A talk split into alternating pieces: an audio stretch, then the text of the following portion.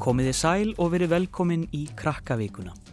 Í þessum þætti förum við yfir helstu krakkafréttir síðustu daga og fjöllum svo um bókina Þinn eigin tölvuleikur í bókaorma spjalli Krakkakiljunar.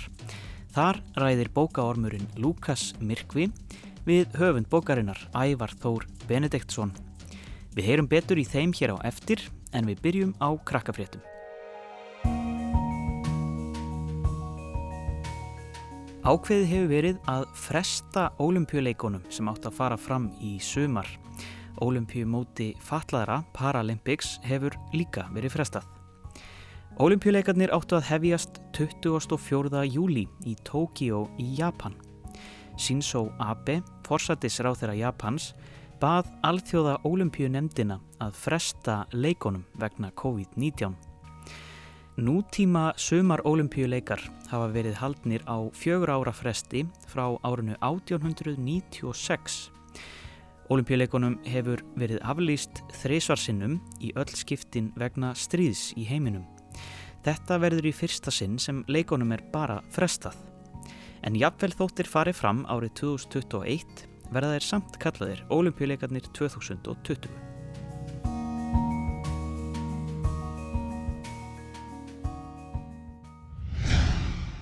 Leifur Otto sem átti nýju ára afmæli í síðustu viku þurfti að velja afmælisgestina mjög vel því hann gætt bara bóðið einum vegna samkomubans. Hann bauð Kára, skólafélaga sínum og frænda og þeir heldur saman tveggja manna veislu. Leifur skrifaði grein á netinu fyrir aðra krakka sem eiga afmæli um þessar mundir og geta ekki haldið almennilega upp á afmæli sitt. Við heyrðum aðeins í honum og spurðum hann út í þessa fámennu en góðmennu afmælisveislu. Halló, ég heiti Leifur og ég ætti afmæli 2003. mars 2020 þegar kórnuna var í fullu gangi og svo það mátti bara einn gestur koma í heimsókn og það var Kári frendi minn og hann er með mér í bekk svo hann mátti alveg koma. Og ég var örglega alltaf eftir að muni eftir þessu afmæli út af því að þetta var einmitt þegar kórnuna var bara í fullu gangi hana. Og þetta var aðeins öðruvísi. Þannig aðeins leðilega, það var svona skemmtilegt. Aðeins skrítnara en ég er alltaf glad með það að ég get haldið mjög stóra veislu í haust. Og það var rúglega bara gaman. Fyrir skömmu var stærsti sólarsjónauki heims tekin í nótkun en fyrstu myndir hans sína bullsjóðandi gas á yfirborði sólarinnar. Sólinn er stjarnan okkar. Hún er óra langt í burtu og æfa forn eða um 4600 miljón ára gömul. Sólinn veitur okkur öllum byrtu og yl og mannkinnið hefur fylst náið með henni í yfir 400 ár með ímiskonar sólarsjónugum bæði stórum og smáum. Í februar voru byrtar fyrstu myndirnar frá nýjum slíkum á Hawaii auga þessa stærsta sólarsjónuga heims er um fjórir metrar á breytt og eru myndirnar glæsilegar eftir því. Á fyrstu myndunum sjást bullsjóðandi gasbólur á yfirborði sólarinnar. Hver þessara gasbóla er næstum áttasinnum stærri en Ísland. Í þeim flist hiti og ljós upp á við í miðjunni og sígur út til hliðana sem eru þess vegna dekkri. Þetta er dálítið eins og sjóðandi súpupottur nema þessi gassúpa er meir en 5.000 stiga heit.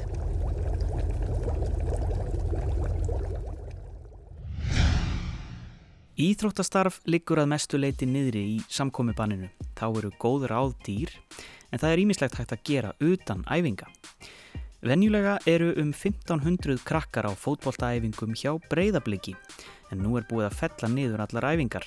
Þjálfararnir hafa bröðið á það ráð að senda krökkunum heimaæfingar á hverjum degi. Hvernig finnst þér að vera að æfa svona ekki með krökkunum og æfa það svolítið sjálfur? Það er mjög skrítið en ég er með frábæran þjálfara og hann sendir okkur fullt af mjög flottum æfingum. Ef einhver er vandræðið með að finna æfingar þá eigum við æfingar og getum aðstofað með það og það getur allir nýst þér þetta og það eru flest félög komin á staði í þessu og eru að gera þetta vel. Þannig að allir eru komin einhvern veginn á þennan vagn að reyna að virkja þennan hóp sem hefur ekki mátt að æfa. Þannig að allir hafi nóg fyrir stafni. Fleiri íþróttafélög hafa brugðist við nýjum aðstæðum með því að senda heimaæfingar. Karatefélagið Þórshamar býður til dæmis upp á fjár karate. Bræðurnir Björgvin Máni og Leo Rapp stunda karate hjá félaginu. Þeir æfa nú heima í stofu.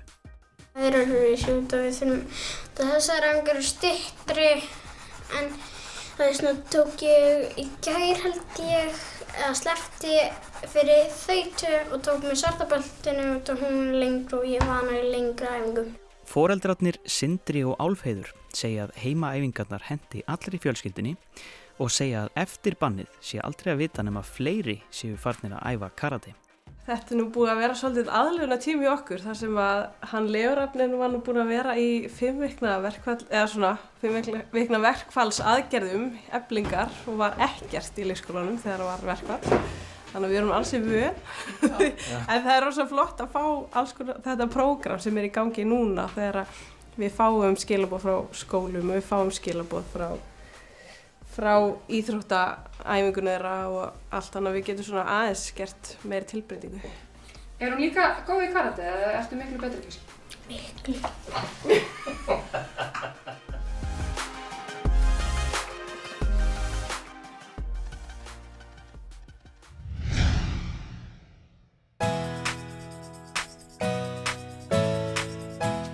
þá er komið að bókaormaspjalli Krakka Kiljunar þar sem við ætlum að kynna okkur nýja íslenska barnabók. Sigin Blöndal tekur nú við.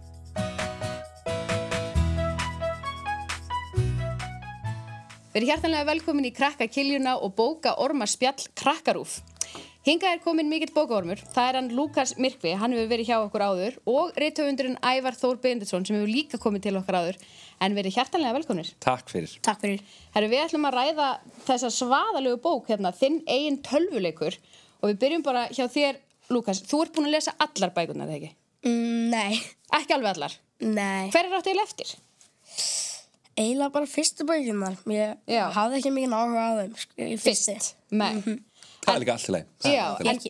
Síðan fekk ég þitt eigið ævintýri og þinn og þinn, þitt eigið tímafræðalag og þá byrjaði aðeins að skjóta gallinu. sko. Það er líka gaman að eiga inni, sko. það er nefnilega frábært. Já, Mælum með að kíkja á þjóðsöguna. Þína í þjóðsöguna. já.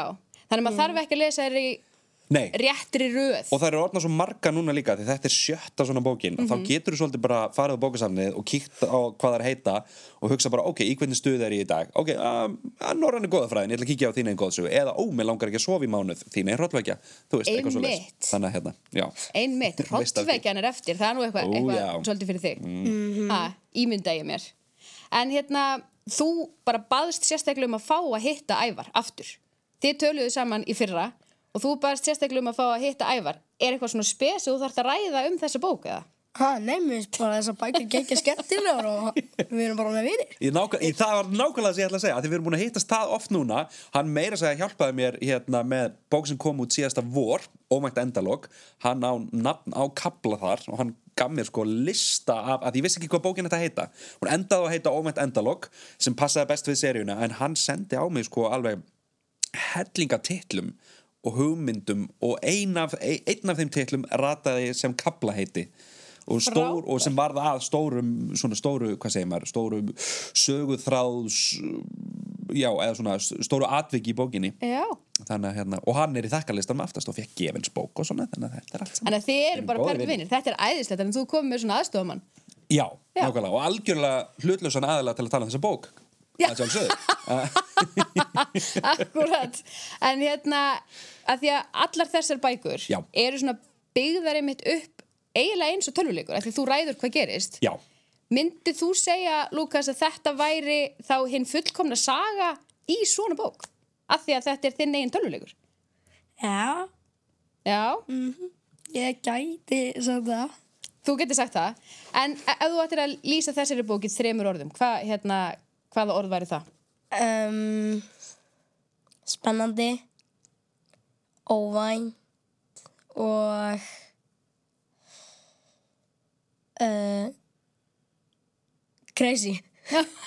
Mjög crazy, gott. klikkuð bara. mjög gott Já. Já. Er, ertu samanlega þessu? Já, ég held að það sé ég, ef, ef það mætti bæta við fjórða orðinu væri það kannski flókin eða erfið af því að ég, Já. ég hef heyrt í nokkrum sem að hafa átt í, í stökustu vandræðum með, með að, klára bókina Já, einfallega vegna þess að maður getur festst í hérna á, á stöðum í bókina því að hann er Ég klára hana. já, nákvæmlega, svo koma svona snillar eins og hann og bara ekkert mál.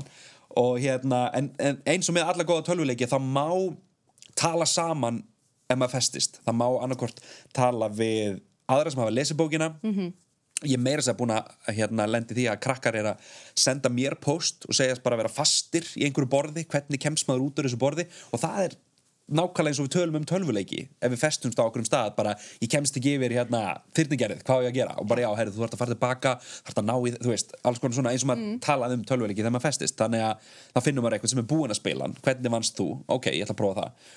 Þannig að, að hérna, og ég vissi líka sko, að því þetta er sjötta bókin að, að lesendur eru farnar að læra pínulítið inn á þessa bækur. Mm. svona já ok, við gerum þetta en maður er alltaf góður og segir satt og svona þá kemst maður oftast heim og þá er allt í góðu. Þannig að ég ákvaða að fykta svolítið í þeirri formúlu til að bæði stríða lesendunum smá en líka til þess að, að gera bókina smá veist, þannig að væri þeimun betra og skemmtilegra þegar þú nærða klárana fannst þú fyrir þessu, Lukas, þegar þú varst að lesa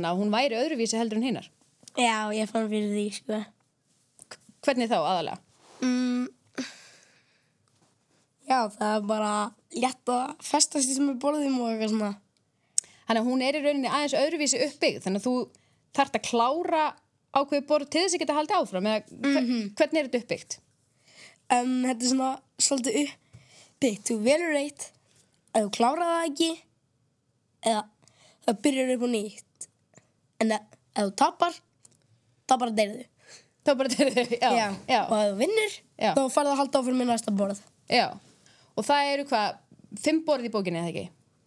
Jú, fimm borð og lokaborð já. borð með öll Og síðan svona- Svo, svo er lítið leiniborð Þannig að Já. það er eiginlega að tæla sig sjö borð Þannig að hérna, já Þannig að það er alltaf eitthvað sem kemur mann á óvart í þessari bók. Já, vonandi Já.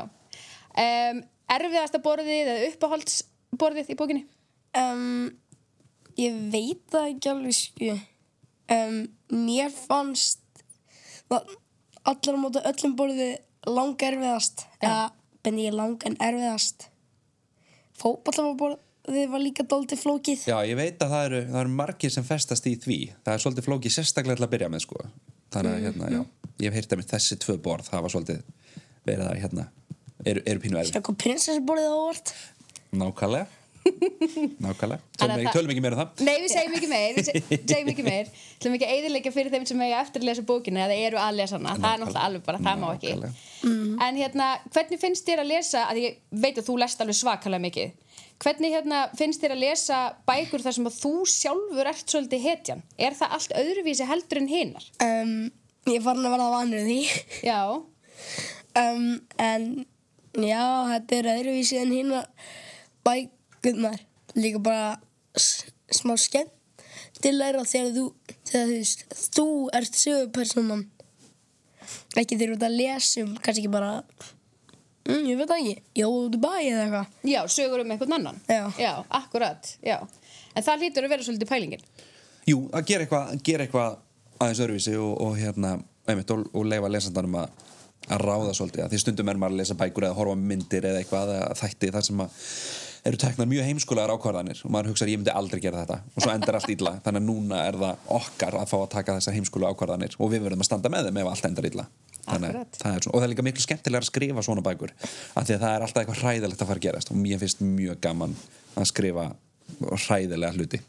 Þannig að þú í rauninni ert ekki mikið að velta fyrir þér einmitt karaktersköpun og aðalpersonunum af því að það er bara lesandinn. Nei, það er einmitt, já aðalpersonan er mjög viljandi sko, er, er skilgreind út frá bara ákvörðunum lesandans og meðan allir, allar aðra personur í kringum hana eru teiknaðar mm, þú veist, misgrófum línum en, en þú veist, eru samt alveg alvöru personur á meðan, einmitt, aðalpersonan þarf að vera svolítið hlutlaus til þess að, að lesandinn taki sem sjálfstæðasta ákvörðun þannig, að, já, þannig að þetta virki sem best þetta að þú fáur að ráða En Lukas, hérna, ert þú með einhverjar spurningar beint til Ævars? Já, ég mun okkar hérna. Ok. Um, tekur þér langan tíma að lesa eina þín eigin, að skrifa þín eigin bók, ekki lesa? Heyrðu, ég er ég er uh, kannski svona 1, 2, 3 daga að lesa eina þín einn bók ég þarf að lesa í gegnum. Og ég stundu spurður hvort ég hafi lesið mínar einn bækur. Maður þarf alltaf að lesa þegar maður skrifa bók bókina sína brjálæðslega oft yfir. Þannig að maður er komið algjört ógeðan þegar maður sendir hennar frá sér að þegar maður þarf að passa sé engar stafsendingavillur og það sem ég þarf mest að passa er að öll blaðsíðutölinn sem segja það að fara hinga og þanga séu rétt. Vegna þess að ef eitt blaðsíðutali vittlaust þá er bókin ónýtt og þá þarf að, þú veist, þegar hún kemur úr prentun örgulega líma límiða yfir vittlösa blaðsíðutalið eða eitthvað svo leis og sem betur fer 7, 9, 13 eftir 6 bækur þá hefur það ekki ennþá gerst.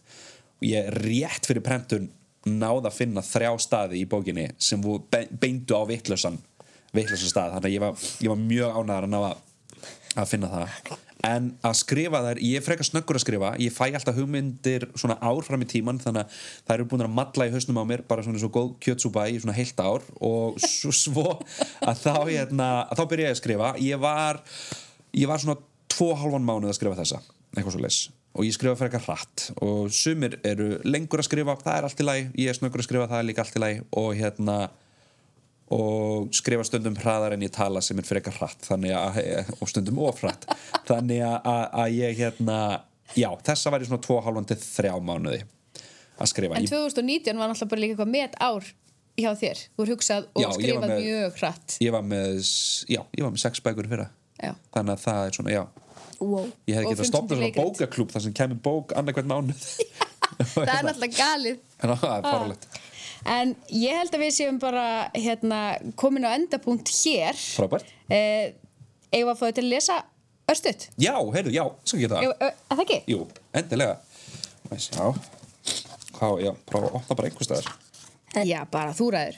Þú ert sérfræðingur. mætti gefa kannski svona fjóra vísbendingar og maður þarf að velja á ykkur að Já, þessi til, að- þess að finna leiniborðið. já, Um, Blasja 203, Blasja 440, ok Blasja 271 og Blasja 266. Bara velja eitthvað af þessu. Já, já. 66 hljóma svolítið vel Já. Já Prófum að lesa smá þar Ég ætla ekki að segja í hvað borðið þetta er En við sjáum bara hvað gerist Þessi kapli heitir Nei sko Nei, sko. Nei sko Þú opnar augun Hvar ert eiginlega? Þú manst ekki hvernig þú komst hingað Vel gert, heyrist á bakvið þig og þú lítur um öxl og sérð hjálparhellu og það er stelpa sem er að hjálpa okkur, forrið sem er að hjálpa okkur í gegnum tölvuleikin. Hún stendur skamt frá. Vel gert, aparð upp eftir henni. Hún kinkar kolli. Þið gangi eftir löngum gangi. Og hva, hvað gerist hér, spyrðu? Sko, oftast ekki neitt svakalega mikið, segir hún loks og gengur örlíti hraðar og furðuleg lykt er farin að kýtla því í nefið. Hún er kunnulega en hún kemur henni samt ekki alveg fyrir þig. Þú þefar út í loftið, þú reynir að átta þig á því hvaða lykt þetta er, hún er þung og sölt og í fjarska heyrir þú skyndilega lágan nið. Þú þekkir hljóðið um leið, þú fattar hvaða lykt þetta er, sjór, hrópar og hleypur á stað og þú hefur rétt fyrir þér. Við enda gangsins er kröpp beigja og þegar þú tekur hana blasir sjálft hafið við. Þú stendur á bryggju sem verðist skaga út úr svörtum kletti. Öldur kasta sér á fjörugrjótið allt um kring og loftið er krökt af máfum. Þú skimar í kringum þig, það er engin annar en þú hérna. Engin bátur, trillar, togari eða skip eru sjáanleg. Þú botnar ekkert í þessu. Hvað á ég að sjá hérna, tautaru? Og skyndilega rekur þú fótinn í eitthvað. Þú beigir þig. Þetta er bók. Þú tekur hana upp og lest á kápuna. Ég held að, ég held að stoppa hér. Já. Þetta er góður, góður staður til að, til að stoppa á. Ég ætla bara að segja til hamingu með bókina. Takk fyrir. Gangið þið vel bara í öllu þínu á hérna, þessu ári. Takk fyrir sem leist, takk fyrir að bjóða mér. Takk fyrir að lesa og hérna, já, þá segjum við bara bókormar spjallinu lokið í dag. Það voru þeir Lúkas Mirkvi, bókaormur og Ævar Þór Benediktsson, rithöfundur sem rættu þarna um bókina Þinn eigin tölvuleikur í bókaormarspjalli Krakka Kiljunar. En þessu lokið hjá okkur í kvöld, Krakka vikan verður hér á rás 1 eftir viku, en það er auðvitað hægt að hlusta á krakkarúf.is og í appinu. Þangar til næst, bless bless.